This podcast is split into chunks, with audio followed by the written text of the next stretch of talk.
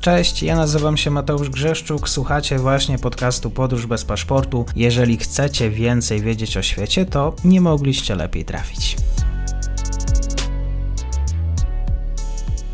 Dzień dobry wszystkim słuchaczom. Dzisiaj jesteśmy w tematach ekonomicznych, gospodarczych. Mamy pierwsze dane o gospodarce Rosji, które wyjaśni nam pan dr Tomasz Wyłuda z Uniwersytetu Opolskiego. Dzień dobry, panie doktorze. Dzień dobry. Resort gospodarki wylicza rosyjski. Oczywiście, że produkt krajowy brutto spadnie blisko 8%, porównując rok do roku.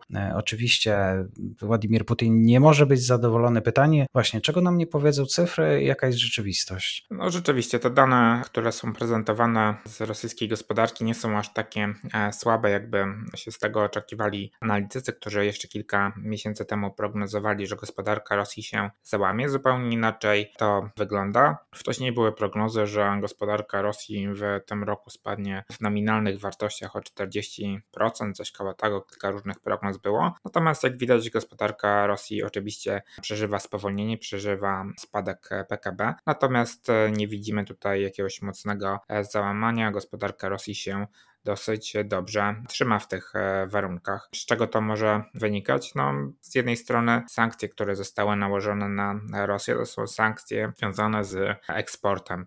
Jeżeli eksportujemy coś do danego, e, znaczy PKB, wzrost PKB to jest, wchodzi w to wiele różnych czynników, natomiast oblicza się to między innymi eksport, dodaje się eksport, odejmuje się import. W związku z tym, że import e, do Rosji został bardzo mocno ograniczony różnego rodzaju sankcjami, natomiast e, wzrost e, eksportu nastąpił dzięki wzrostowi cen surowców, no to to PKB wcale aż tak mocno nie ucierpiało, przynajmniej z matematycznego punktu widzenia. Natomiast pozostałe rzeczy, które są wliczane do rosyjskiego PKB, czyli na przykład konsumpcja, no to rzeczywiście troszeczkę tutaj ucierpiały. Czyli Rosja ucieka spod gospodarczego topora. No tutaj zresztą wspominał już o tym pan doktor w naszych poprzednich rozmowach, że rzeczywiście e, tak się stanie. E, co mogliby właściwie zrobić? E, co mógłby zrobić właściwie szeroko pojęty świat zachodu, no żeby jednak te słupki powędrowały w dół? No to jest ciężkie pytanie. Na pewno trzeba by było piąć tymi sankcjami nie tylko Rosję, ale wszystkie kraje Unii Europejskiej, do której tutaj wchodzi Rosja, co będzie trudne i z moralnego też punktu widzenia byłoby bardzo trudne, ponieważ no Kazachstan na przykład przykład e, pomaga Ukrainie, czyli wysyła jakieś e,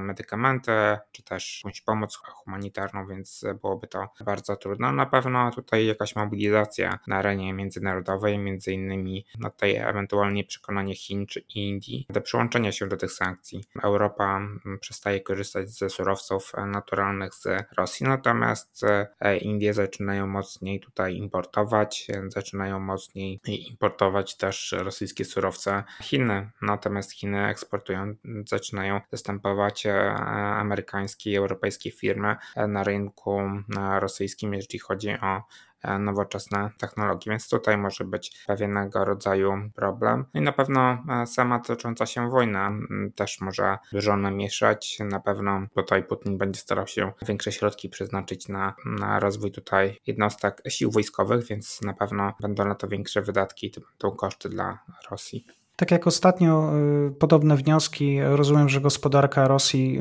y, w takich wielkich opałach nie jest, ale oczywiście to jest zupełnie inna sytuacja w obliczu y, tego zwykłego Rosjanina, który pewnie stoi w obliczu jakiegoś kryzysu. E, tak, na pewno pojedynczy Rosjanie mają dużo większe e, problemy. Inflacja w Rosji dynamicznie e, przyspiesza, no ale z tych samych powodów co w krajach europejskich czy w Stanach Zjednoczonych rosną ceny surowców, rosną ceny e, żywności, no i niestety to się to przekłada na, e, na wyższe koszty życia, nie tylko w Rosji, ale też e, u nas widzimy, co się dzieje z mm, cenami pszenicy, biją kolejne rekordy, więc będzie tutaj na pewno problem z wyżywieniem. Tym bardziej wcześniej mówiliśmy o problemach z eksportem pszenicy w wyniku tej wojny z Rosji i Ukrainy. Rosja w ogóle zaprzestała eksportu żywności, Ukraina też ma problemy, natomiast dochodzą jeszcze jeszcze od naszego ostatniego spotkania dwa czynniki nowe. Pierwszy czynnik to jest wzrost tutaj cen nawozów. Nawozy tworzy się z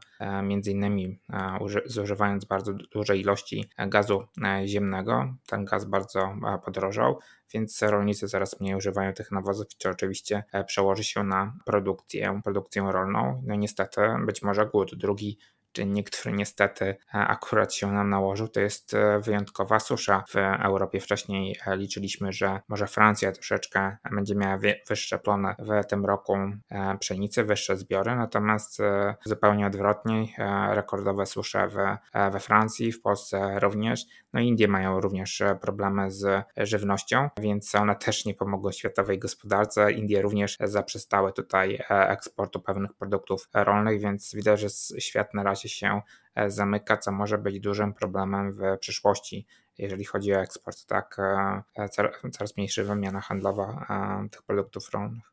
Mhm. No, sekretarz stanu USA Antony Blinken miał mówić, że żywność dzisiaj to dla Rosji główna broń. No tak, na pewno Rosjanie tutaj ze względu na swoje terytorium mają duże możliwości eksportu.